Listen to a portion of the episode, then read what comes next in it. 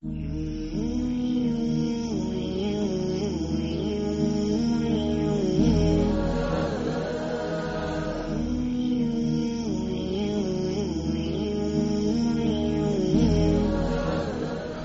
بالله من الشيطان الغوي الرجيم. والصلاة والسلام على أشرف الأنبياء والمرسلين محمد وآله الطيبين الطاهرين.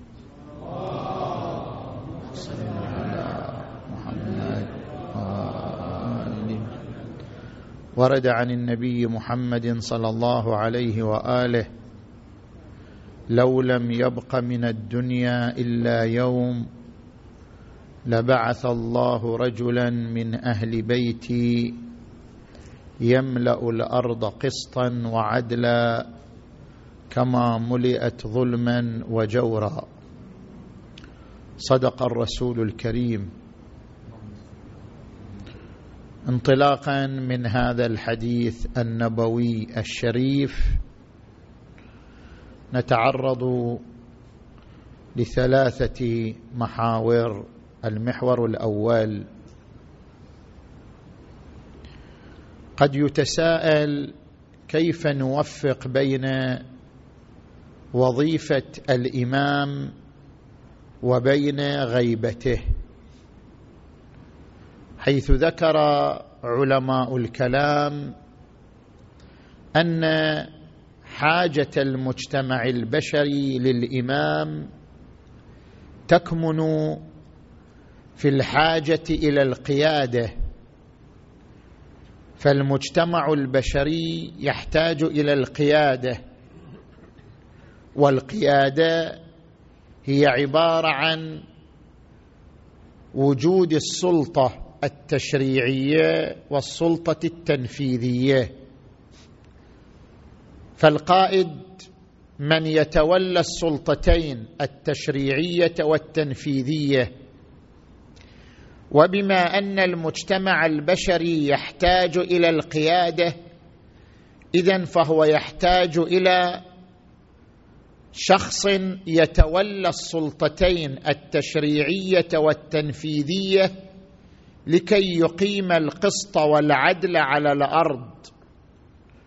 من هنا جاءت الحاجة إلى وجود الإمام. فالحاجة إلى وجود الإمام تعني الحاجة إلى هذه القيادة. وبالتالي كيف نوفق بين هذه الحاجة وبين غيبة الإمام عليه السلام؟ كيف نؤمن بأن الإمامة لم تنقطع وبأن الإمامة لم تزل والحال بأن الإمام الثاني عشر لا يمكنه أن يقوم بدور الإمامة وهو قيادة الأمة في السلطتين التشريعية والتنفيذية. اذا هناك أزمة في الفكر الإمامي فالفكر الإمامي من جهة يعتقد أن الحاجة التي اقتضت أن ينصب الله إماما هي حاجة المجتمع البشري إلى القيادة. مقتضى هذه الحاجة أن لا يخلو زمان من وجود إمام ظاهر يقوم بهذه القيادة وبهذه السلطة. ومن جهة أخرى يعتقد الفكر الإمامي أن الإمام الثاني عشر لم يمارس هذا الدور وغاب عن الأنظار منذ اليوم الذي توفي فيه أبوه الإمام الحسن العسكري صلوات الله وسلامه عليه فهو لم يمارس قيادة الأمة اطلاقا. فهذا يعني أن غيبة الإمام المنتظر أخلت بالحاجة إلى الإمامة. وأخلت بما يفترض وجود الإمام بين ظهراني الأمة. فإما أن نتنازل عن المعتقد الأول يعني أن نتنازل عن أن الحاجة إلى الإمام هي الحاجة إلى وجود القيادة وإما أن نتنازل عن المعتقد الثاني وهو غيبة الإمام عجل الله فرجه فنقول لا إمام. أما أن نجمع بين الأمرين بأن نقول لا بد من وجود إمام ظاهر يقوم بأعباء القيادة وفي نفس الوقت نؤمن بأن هناك إماما غائبا لا يمارس دور القيادة فهذا جمع بين المتناقضين. هذا السؤال ما هو الجواب عنه؟ الحاجة إلى وجود الإمام في أي زمان وفي أي ظرف تكمن في الحاجة إلى عدة أمور وليس في الحاجة إلى مجرد القيادة التي تمارس السلطتين التشريعية والتنفيذية. هناك عدة وظائف وعدة مهام يقوم بها الإمام. أي إمام في أي زمان؟ قد يتمكن من القيام بجميع هذه الوظائف قد يتمكن من القيام ببعض هذه الوظائف. المهم أن لا يخل بجميع هذه الوظائف.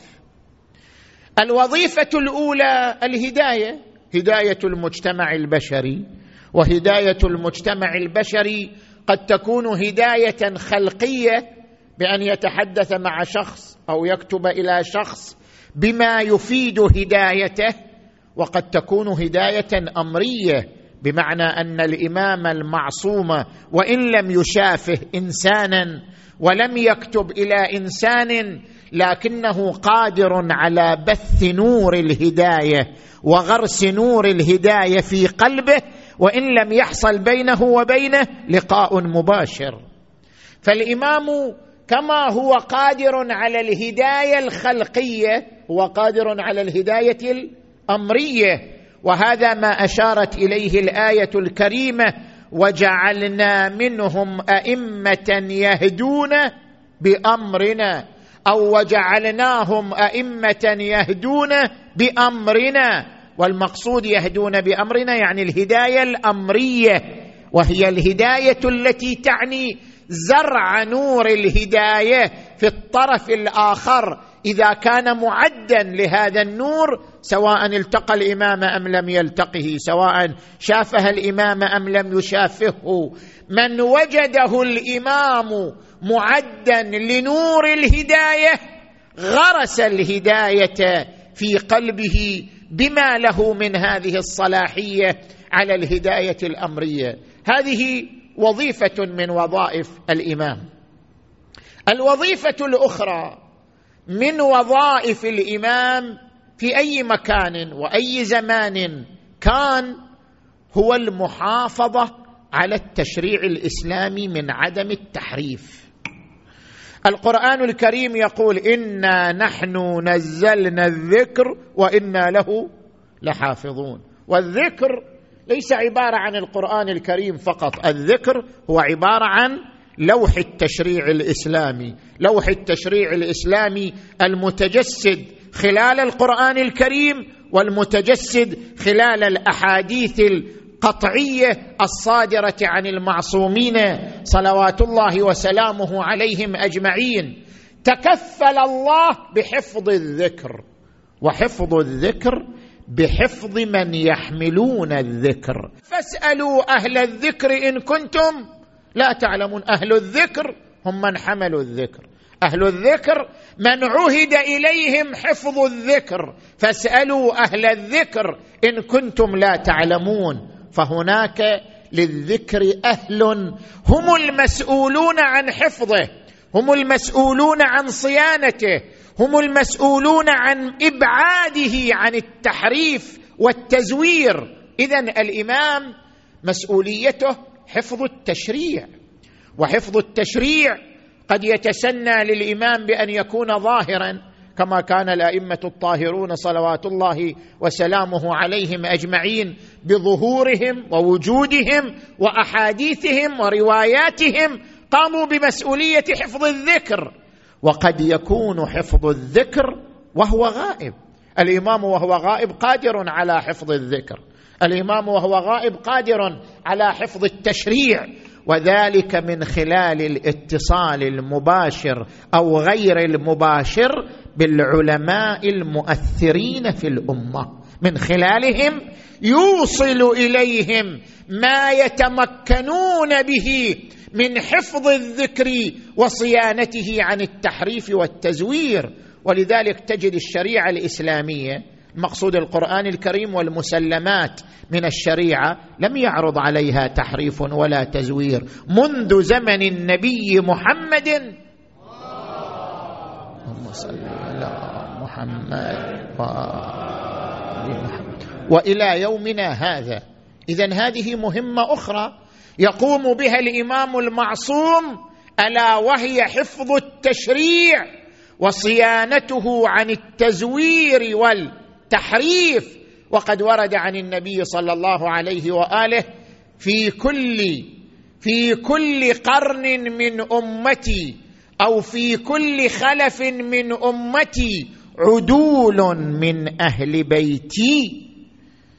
ينفون عن هذا الدين تحريف الضالين وبدع المبطلين. يعني هناك جماعة هيأهم الله تعالى في كل زمن لهذه الوظيفة. ألا وهي وظيفة حفظ التشريع. وهؤلاء الجماعة بالتقاء مع الإمام عليه السلام مباشر أو غير مباشر. هذه الوظيفة الثانية. الوظيفة الثالثة التي يقوم بها الإمام هي الحجية. يعني متى ما اختلفت الأمة في مقالة متى ما أرادت الأمة أن تبرهن على حكم شرعي فهناك حجة نصبه الله يرجع إليه. قوله فعله تقريره سكوته كلامه صمته حجه. كل ما يصدر منه فهو موقف. كل ما يصدر منه فهو حجة. هو حجة في جميع شؤونه. الحجية وظيفة من وظائف الإمام. فالإمام حجة. وهذا ما أشارت إليه النصوص الشريفة. لولا الحجة لساخت الأرض بأهلها. وجود حجة. الوظيفة الرابعة هي قيادة الأمة. قيادة الأمة في السلطة التشريعية والسلطة التنفيذية. وهذه ما تمكن منها أحد من الأئمة إلا الإمام امير المؤمنين علي عليه السلام. وإلا أغلب الأئمة لم يتمكنوا من هذا الدور. ولم يبسط لهم المجال للقيام بهذا الدور. ولم تسنح ولم تفتح لهم الفرصة للقيام بهذا الدور. اذا الإمامة ليست متقومة بالوظيفة الرابعة فإما أن تكون الوظيفة الرابعة موجودة أو أن هذا ليس بإمام لا. قد تتحقق الفرصه للقيام بالوظيفة الرابعة وقد لا تتحقق. الإمام علي عليه السلام عاش خمسا وعشرين سنة في بيته فطفقت أرتئي بين أن أصول بيد جذاء أو أصبر على طخية عمياء. يشيب فيها الصغير ويهرم فيها الكبير ويكدح فيها مؤمن حتى يلقى ربه.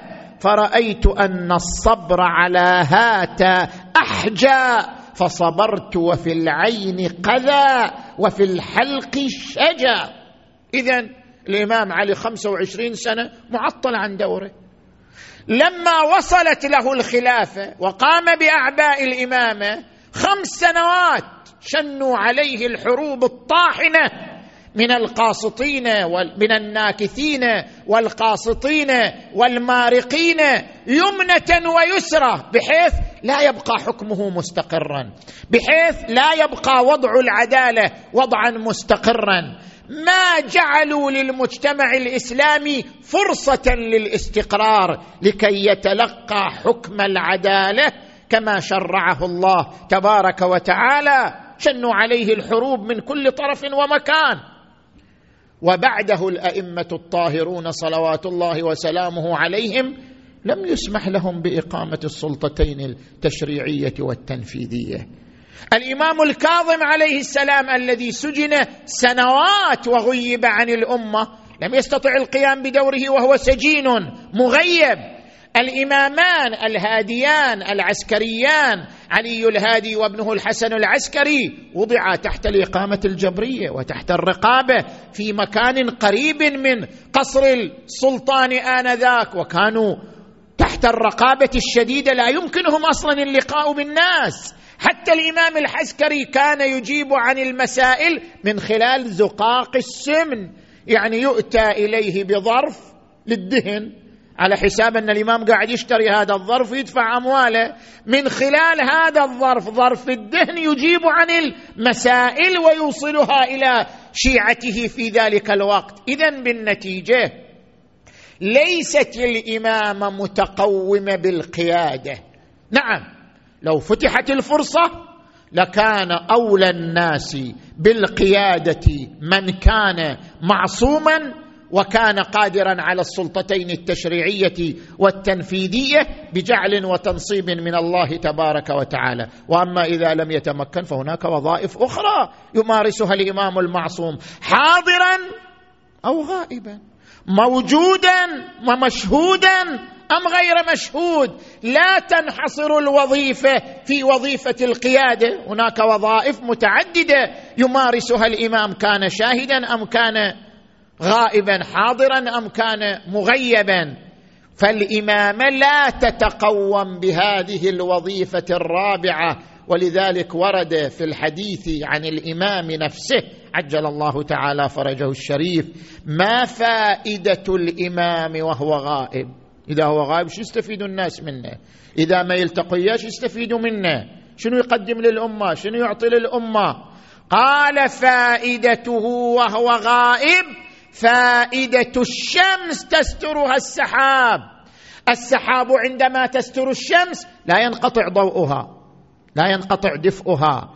الحياة على الكرة الأرضية لا تتوقف على مشاهدة الشمس. شاهدنا الشمس بأعيننا أم لم نشاهدها؟ الحياة على الكرة الأرضية لا تتوقف على المشاهدة تتوقف على ضوء الشمس على دفء الشمس.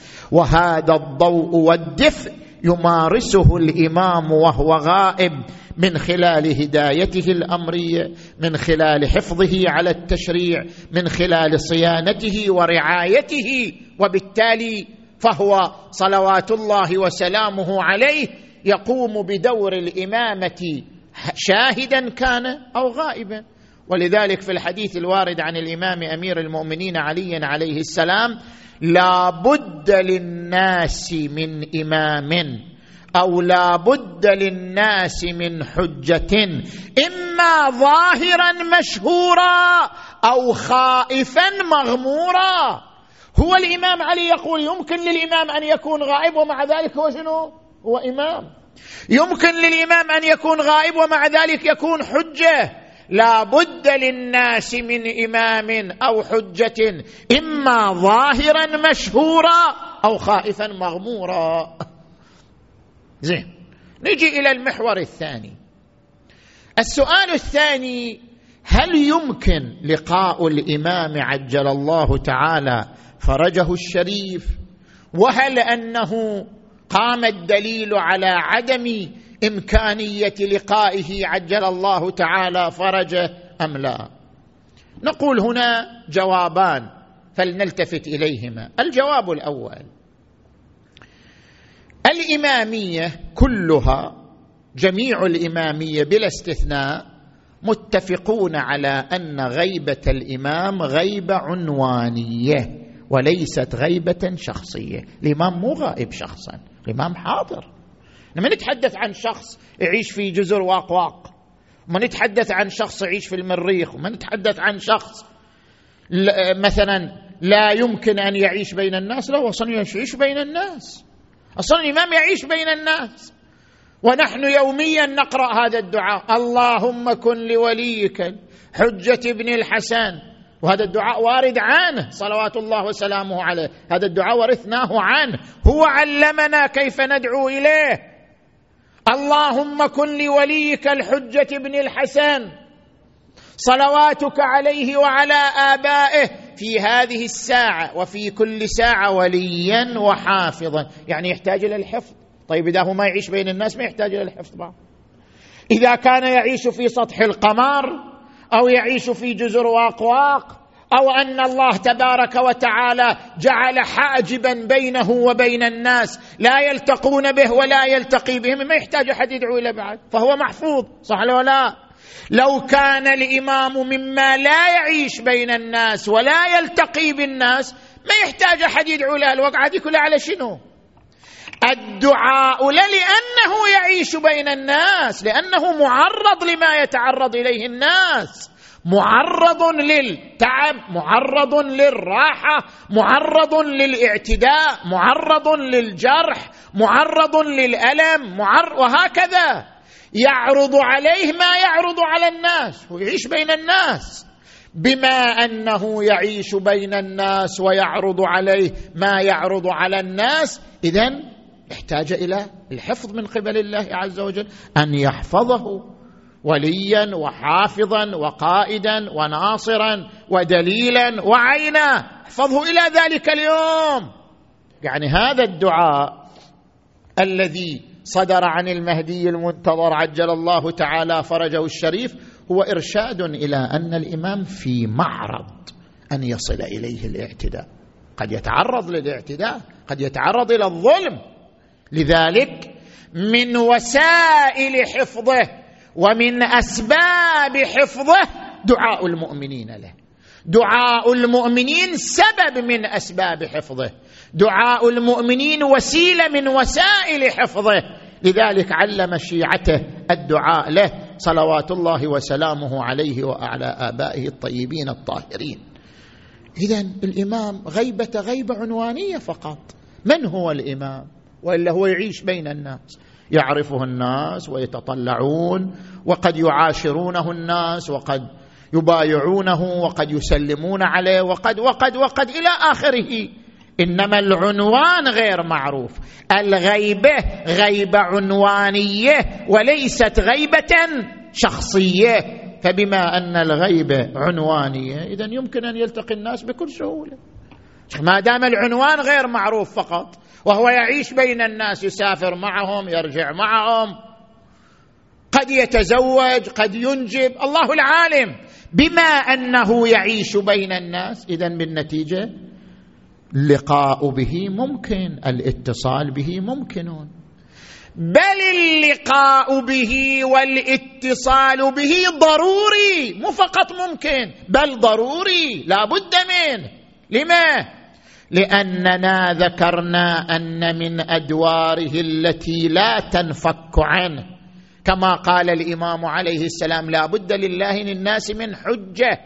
لا بد لله في الناس من حجة. إما ظاهرا مشهورا أو خائفا مغمورا. كيف تكون الحجية؟ اذا بالنتيجة من أجل أن تتحقق الصورة الفعلية لحجيته صلوات الله وسلامه عليه وعلى آبائه من أجل أن تتحقق الصورة الفعلية لحفظه للتشريع فهو أحيانا يمارس حجيته بالطريق غير المباشر أحيانا يمارسه بالطريق المباشر. فلا بد له من لقاء مباشر ببعض الأشخاص من أجل أن تتحقق الصورة الفعلية لحجيته صلوات الله وسلامه عليه. ولذلك أنت تقرأ في أدعية رجب. شنو تقرأ في أدعية رجب؟ أعضاد وأشهاد وحفظة ورواد. هذول هم اللي يتصل بهم. هذول هم اللي يلتقي بهم. يعني هناك من البشر من هذه وظيفتهم أعضاد وأش... أعضاد لمن؟ أشهاد لمن؟ أعضاد وأشهاد وحفظة ورواد. هذا من أدعية رجب.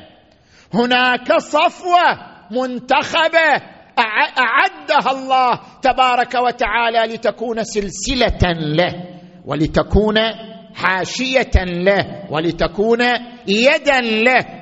أعضاد وأشهاد وحفظة ورواد من خلاله تتحقق الصورة الفعلية من خلالهم تتحقق الصورة الفعلية لحجيته من خلالهم يتحقق حفظ التشريع.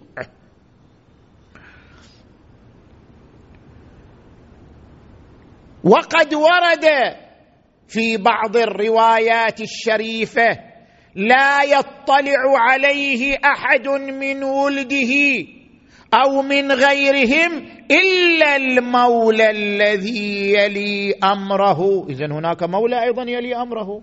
يلي أمره يعني يرعاه. يقول فلان ولي أمر فلان. يعني قام شنو؟ برعايته والاهتمام به. يعني هناك من يلي أمره. اذا بالنتيجة الإمام عليه السلام مو بس لقاء ممكن بل لقاؤه ضروري في بعض الفروض التي تتوقف عليها الصورة الفعلية لحجته وتتوقف عليها الصورة الفعلية لحفظه للتشريع. صلوات الله وسلامه عليه وعلى آبائه الطيبين الطاهرين. نجي إلى الجواب الثاني. قد يقال بأن هناك التوقيع الصادر عنه صلوات الله وسلامه عليه وهو توقيعه إلى علي بن محمد السمري الذي هو آخر السفراء الأربعة حيث كتب إليه يا علي بن محمد السمري اعلم أنك ميت ما بينك وبين ستة أيام. ولا تعهد لأحد من بعدك. يعني لا تعهد له بالسفارة. السفارة انقطعت. ليش يقول لا تعهد؟ لأنه أحيانا السفارة قد تنتقل من أب إلى ابن مثل ما انتقلت من عثمان بن سعيد العمري إلى ولده محمد. سفير الأول انتقلت السفارة منه إلى ولده فعهد إلى ولده بين الناس. قال ولدي يقوم مقامي. والإمام كان وراء ذلك العهد. ولا تعهد إلى أحد من بعدك. فقد وقعت الغيبة التامة ولا ظهور إلا بإذن الله وذلك بعد قسوة القلوب وامتلاء الأرض ظلما. وجورا. وسيأتي شيعتي من يدعي المشاهدة. بيجي للناس أشخاص بيقول لهم ترى إحنا شفنا الإمام وقال لنا الإمام وشرب عندنا شاي وأكل عندنا كباب. زين؟ وقالوا قلنا له زين؟ وسيأتي شيعتي من يدعي المشاهدة. ألا فمن ادعى المشاهدة قبل الصيحة؟ صيحة بين السماء والأرض. هذه من العلائم الحتمية لخروج الإمام عجل الله فرجه الشريف. فمن ادعى المشاهدة قبل الصيحة وقبل خروج السفياني؟ خروج السفياني من الشام؟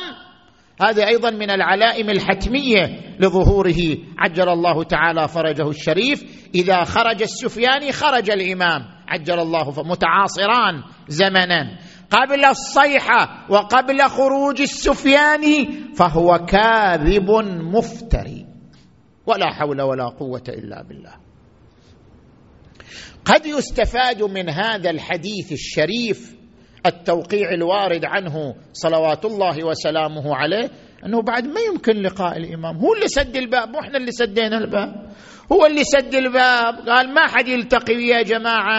اللي يلتقي بي كذاب ما حد يلتقي بي. انتهى الموضوع.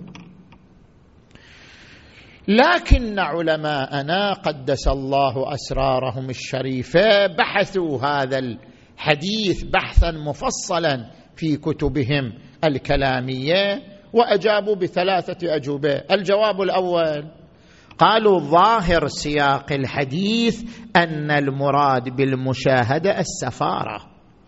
لأنه قاعد يتحدث مع من؟ مع سفير من سفرائه. قاعد يقول لي سفير من سفرائه ولا تعهد لأحد من بعدك. يعني بشنو؟ بالسفارة. ثم عقب ذلك بقوله وسيأتي شيعتي من يدعي المشاهدة. يعني من يدعي السفارة. من يدعي أنه نائب عن الإمام من يدعي أنه ولي للإمام من يدعي أنه مثلا اليماني الذي يظهره الإمام على أسراره. سيأتي شيعتي من يدعي ذلك. المقصود بهذه الدعوة ليس دعوى اللقاء وهو أنه لقي لقي الإمام وتشرف بالإمام. لا! يدعي النيابة ويدعي السفارة بمقتضى سياق الحديث لأن السياق من القرائن التي تؤيد وتؤكد ظهور المعنى. فالسياق قرين على أن المراد الجدي بهذا الحديث دعوى السفار فهو لا ينفي لقاء الإمام عجل الله فرجه. زين. التفسير الثاني. أن المراد بالمشاهدة أن يرى وهو يعرف أنه الإمام. متى يقال شاهدت؟ شاهدت غير رأيت. فرق بين التعبيرين. رأيت فلان غير شاهدته. رأيت فلان يعني رأيت وجهه سواء كنت أعرف أنه فلان أم لم أعرف. وشاهدت فلان يعني رأيته وأنا أعرف أنه فلان. فهذا الحديث ينفي المشاهدة ما ينفي الرؤية. يعني يقول في عصر الغيبة لا يراه أحد وهو يعرف أنه الإمام. قد يراه ثم يعرف بعد ذلك من خلال الآثار أن هذا هو الإمام الحجة. عجل الله تعالى فرجه الشريف. التفسير الثالث. أن يقال غاية ما يستفاد من هذا الحديث تكذيب الدعوة لا نفي الرؤية. فرق بين المطلبين. يعني الإمام يريد ما يسود الهرج والمرج. لأن إذا فتحنا باب الدعوة قلنا كل من يدعي رؤية الإمام شنو؟ وصدقوه وخذوه بقوله. طبعا رايح تصير عندنا مراجع واجد. كان حين المراجع أربعة ولا خمسة بيصير عندنا واجد آلاف المراجع والمرجعيات. يعني النسوان. إيه. لأن دعوى الرؤية في النسوان بعد أزيد. تسمع حكاوي النسوان أوه ده أعظم. شافته ومسح على راسها وشافته في الطواف وقال له بشوف وش في إيدش. طلعت له ايدها وشاف في إيدها نشاف. وقال له هذا النشاف جيبي ومسح عليه. وصار هذا النشاف يداوي المرضى ويبرئ الجرحى. زين؟ اذا فبالنتيجة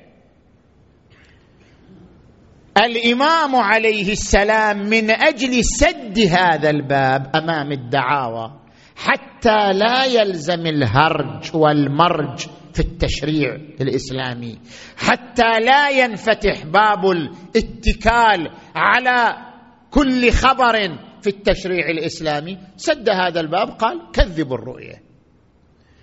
لا أن من لا أنه لا يمكن لقاؤه. فرق بين المطلبين. لقاؤه ممكن لكن ليس للرائي حق أن شنو؟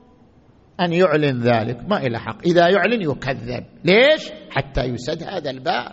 فغاية ما يستفاد من هذا الحديث تكذيب دعوى الرؤية. لا نفي. وجود الرؤية ولا نفي إمكان الرؤية حتى يؤخذ هذا الحديث مستمسكا. والعلماء رضوان الله تعالى عليهم يقولون إذا تراجع كلام الشيخ المجلسي صاحب البحار والسيد عبد الله شبر في حق اليقين وغيرهما من العلماء الأبرار يقولون تواترت رؤيته. نقدر نكذب لأن هذا أمر متواتر. نتيجة كثرة من راه من العلماء الثقات. لا يمكن تكذيب الجميع. كلهم كذابين؟ من عصر الغيبه الصغرى إلى الآن؟ الآن كم قرن؟ ألف سنة. لا يمكن تكذيب كل هؤلاء وكانوا من الثقات العدول. إذا تواترت رؤيته. فلما تواترت رؤيته صار هذا التواتر قرينة على أن المراد بهذا التوقيع الشريف هو دعوة شنو؟ دعوة السفارة. لا دعوى الرؤية. هذا التواتر في رؤيته صلوات الله وسلامه عليه وعلى آبائه قرينة على أن المراد بالحديث ألا فمن ادعى المشاهدة؟ يعني دعوى السفارة. والإمام لطفه عظيم. الإمام مظهر للطف الله. كما أن لطف الله يعم الجاهل والعالم يعم الفقير والغني يعم المحتاج وغير المحتاج. لطف الله. بعد إذا الله مثلا إذا الله أسبغ ألطافه على إنسان فقير. نقدر نقول له ما دورت له الفقير تلطف عليه العالم بقية تاركهم لطفه عميم ورحمته واسعة. ورحمتي وسعت. كل شيء. كما أن رحمته تبارك وتعالى ولطفه عميم. قد يرحم إنسانا فقيرا مغمورا ولا يرحم غنيا مشهورا. وقد يرحم فاسقا ينجيه من فسقه أو يمن عليه بالهداية. رحمته عميمة. نقدر نتحكم فيها؟ كما أن رحمته عميمة فمظاهر رحمته كذلك رحمتهم عميمة. الأئمة مظاهر رحمة الله. السلام على محال معرفة الله ومساكن بركة الله. مسكن البركة. الإمام مسكن لبركة الله. كما أن بركة الله لا تستثني عالما ولا جاهلا ولا فقيرا ولا غنيا ولا مشهورا ولا مغمورا. فكذلك مساكن بركته بركتهم لا تستثني أحد. فالإمام يتفضل على واحد غائب أو واحد في الصحراء أو واحد في السجين أو واحد متورط بديون ثقيلة يرحمه يعطف عليه. كل هذا مظاهر لرحمة الله ومساكن لبركة الله تبارك وتعالى. وهذا مقتضى لطفه وعنايته ورأفته ورحمته صلوات الله وسلامه عليه. نأتي إلى المحور الثالث. وظيفتنا في عصر الغيبه الانتظار. وقد ورد عن النبي محمد. صلى على محمد. وآل محمد أنه قال أفضل أعمال أمتي انتظار الفرج.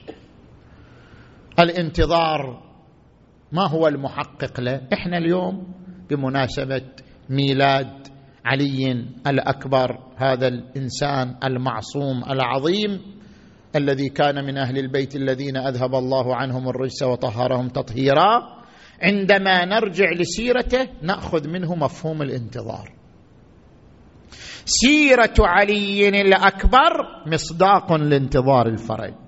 سيرة علي الأكبر محقق لانتظار الفرج. سيرة علي الأكبر تتلخص في هذه الكلمة عندما قال الحسين بن علي إن القوم يسيرون والمنايا تسير من ورائهم. التفت إليه هذا الولد. قال أولسنا على الحق؟ أنت الآن في عصر الغيبة ما أنت على الحق؟ أنت على الحق. أولسنا على الحق يا أبتاه؟ قال بلى. قال اذا لا نبالي. وقعنا على الموت. أم وقع علينا؟ قال جزاك الله خيرا من ولد عن والده. هذا عنوان الانتظار يتلخص في هالكلمة اللي قالها علي الأكبر. أولسنا على الحق يا أبتاه؟ قال بلى. قال إذا لا نبالي. وقعنا على الموت أم وقع علينا؟ هذا هو الانتظار. الكلمة هذه تعني لك عدة أمور. الأمر الأول الثبات على الحق ما تزلزل. أولسنا على الحق. يعني إحنا مو أصحاب بصيرة. إحنا مو نعرف أن هذا حق ونحن ثابتون عليه. الثبات على الحق أن تثبت على ولاية الأئمة الطاهرين والبراءة من أعدائهم. أن تثبت على معتقداتك أن تثبت على شعائرك أن تثبت على مذهبك أن تثبت على دينك. ثبات. مهما مرت التيارات المنحرفة مهما مرت الأعاصير مهما مرت العواصف أنت ثابت على الحق ثابت على هذه المعتقدات لا ترفع عنها يدا أبدا. الثبات على الحق هذا هو المظهر الأول من مظاهر الانتظار أولسنا على الحق؟ زين.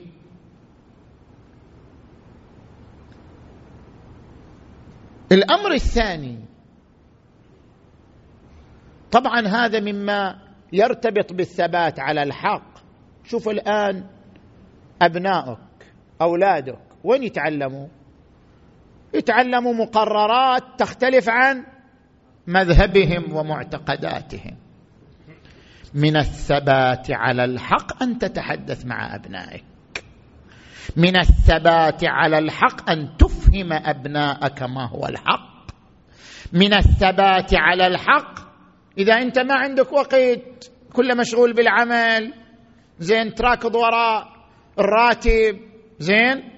من الثبات على الحق ادخلهم في الدورات الدينية. حتى يتعلموا حتى يعرفوا ما هو الحق. الثبات على الحق يقتضي أن تعلم الأجيال المتتابعة ما هو الحق. علموا أبناءكم من علمنا ما ينتفعون به. لا تسبقكم المرجئة كما ورد عن الإمام الصادق عليه السلام. هذه وظيفة الثبات على الحق. زين هذا المظهر الأول. المظهر الثاني البذل. سعلي الأكبر بذل نفسه. تقول ما بتبذل نفسك. النفس عزيزة بعد لا أقل باذل البذل. ما واحد يقول والله أنا شيعي إحنا شيعة جعفرية ها؟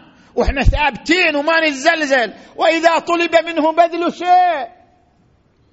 امتنع. واختفى. باذل المسألة تحتاج إلى باذل هناك من يبذل أمواله هناك من يبذل قلمه هناك من يبذل فكره هناك من يبذل طاقته هناك من يبذل وقته هناك من يبذل جهده. انت إيش قد تبذل وقتك في العمل؟ العمل كم يطول؟ من ساعة كم لساعه كم؟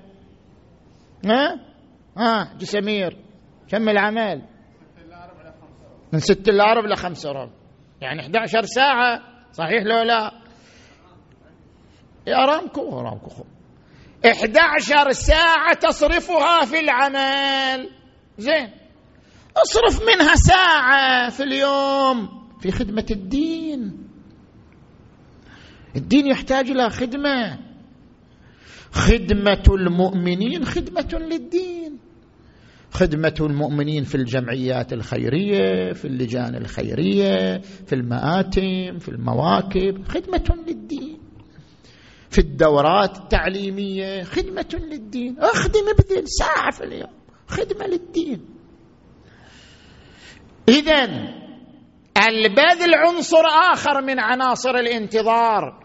أولسنا على الحق يا أبتاه؟ قال بلى قال اذا لا نبالي. وقعنا على الموت. أم وقع علينا. مع الأسف تشوف بعض الإخوة متدين محافظ على الواجبات ولكن ما عنده بذل ابدا فقط لأسرته. طول السنة هو يخدم الأسرة وإذا جت آخر السنة يروح يسافر يصيف منا ومنا ويرجع البذل فقط لاسرته البذل للدين يحتاج. أن تبذل ولو ساعة في اليوم ولو يوما في الأسبوع للدين. باذل وجاهدوا بأموالكم وأنفسكم. الذين ينفقون. هذا هو الإنفاق.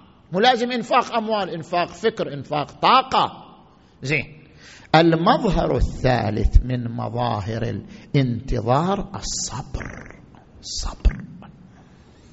تصير انفعالي تصير أعمالك ارتجالية. صبر يريد له هؤلاء صبروا. علي الأكبر صبر. يقول الروايات أول من اشتد به العطش علي الأكبر. من الهاشميين. اشتد به العطش والظمأ. صابر. وكان بإمكانهم أن يساوموا. مو الآن السياسيين يساوموا ها؟ كان الحسين بعد دخل في مساومة ويقدر يدخل في مساومة. طولنا شوية ماي ها؟ وبنخلي بعض الأنصار يروح إياكم. طولنا شوية ماي زين؟ وبنكتب لأهل الكوفة أن إحنا راجعين. المساومات تصير على حلول وسط؟ ممكن لو لا. ما ساوم لا ما ما ما أدخل في حلول وسط. أنا ما أدخل في حلول وسط ولا أدخل في أنصاف الحلول وما عندي مساومات. الصبر على العطش والظما إلى أن لاقى الحتف. اصبر يا بني ليش الإمام الحسين قال له لأنه هو أول هاشمي اشتد به العطش والظما؟ اصبر يا بني حتى تلقى جدك رسول الله صلى الله عليه وآله فيسقيك بشربة من الماء لا تظمأ بعدها أبدا. اصبر صبر. الانتظار يحتاج إلى صبر. الصبر يعني شنو؟ الصبر عن الاستفزاز. ترى بعض إحنا ما نقدر نعبر عن الآخرين إلا بما أوصانا به. الإسلام وأهل البيت إخواننا مهما اساءوا إلينا. بعض إخواننا من أبناء المذاهب الإسلامية يستفزنا. يستفزنا من خلال بعض وسائل الإعلام من خلال القلم من خلال التصريح. بعض إخواننا من أبناء المذاهب الإسلامية يستفزنا بتصريحاته وإعلاناته. وقد يكون بعضهم من المفتين والعلماء يكفرنا يسيء إلى رموزنا يسيء إلى مقدساتنا يتعامل معنا بالاستفزاز.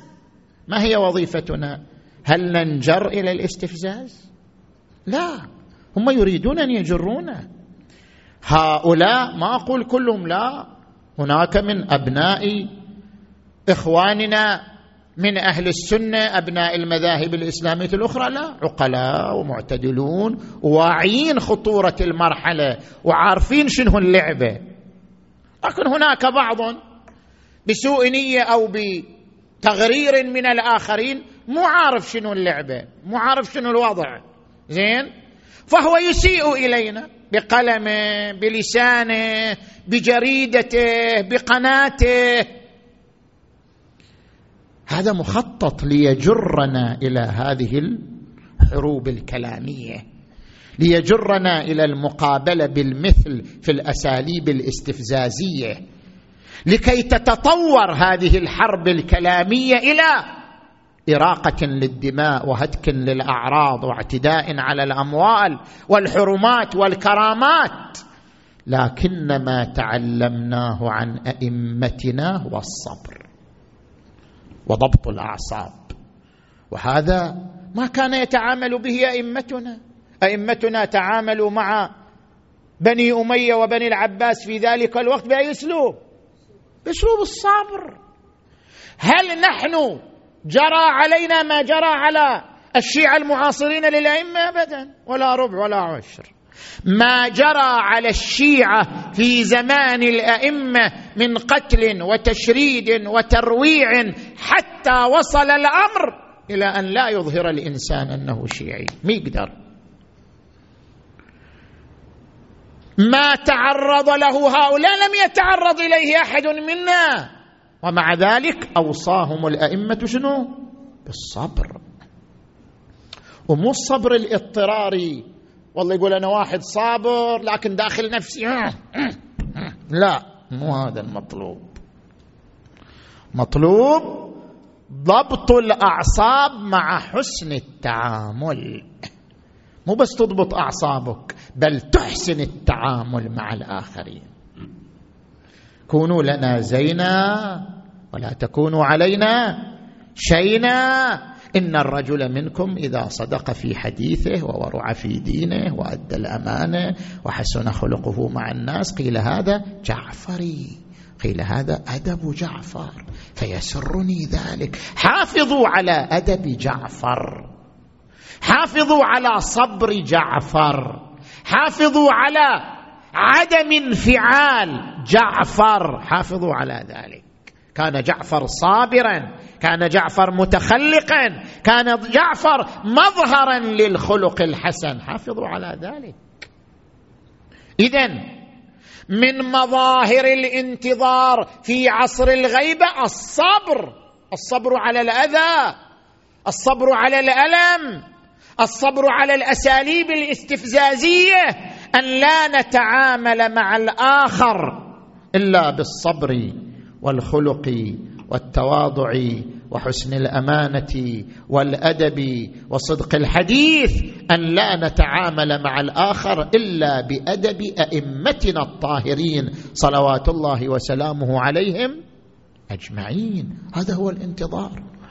اذا الانتظار يريد له ثبات يريد له بذل يريد له صبر.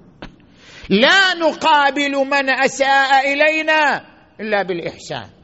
ولا نقابل من استفزنا إلا بالأساليب الأخوية.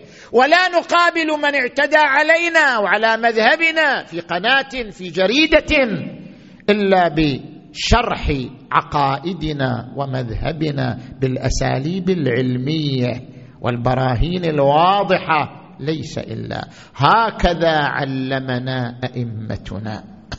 صلوات الله وسلامه عليهم أجمعين. نسأل الله تبارك وتعالى أن يجعلنا من المهتدين بهداهم والمقتدين بهم. اللهم كن لوليك الحجة بن الحسن. صلواتك عليه وعلى آبائه في هذه الساعة وفي كل ساعة. وليا وحافظا وقائدا وناصرا ودليلا وعينا حتى تسكنه أرضك طوعا وتمتعه فيها طويلا. اللهم اشف مرضانا ومرضى المؤمنين والمؤمنات. اقض حوائجنا وحوائج المؤمنين والمؤمنات. اللهم فرج عن المؤمنين في كل مكان. اللهم انصر الإسلام والمسلمين. واخذل الكفار والمنافقين. اللهم فك أسرانا وأسر المؤمنين والمؤمنات. أرجعهم إلى أهاليهم سالمين غانمين وأفرح أهاليهم بقدومهم. يا رب العالمين. اللهم صل على محمد وآل محمد. وارحم أمواتنا وأموات المؤمنين والمؤمنات. وإلى أرواح أموات الجميع. بلغ ثواب الفاتحة. تسبقها الصلوات.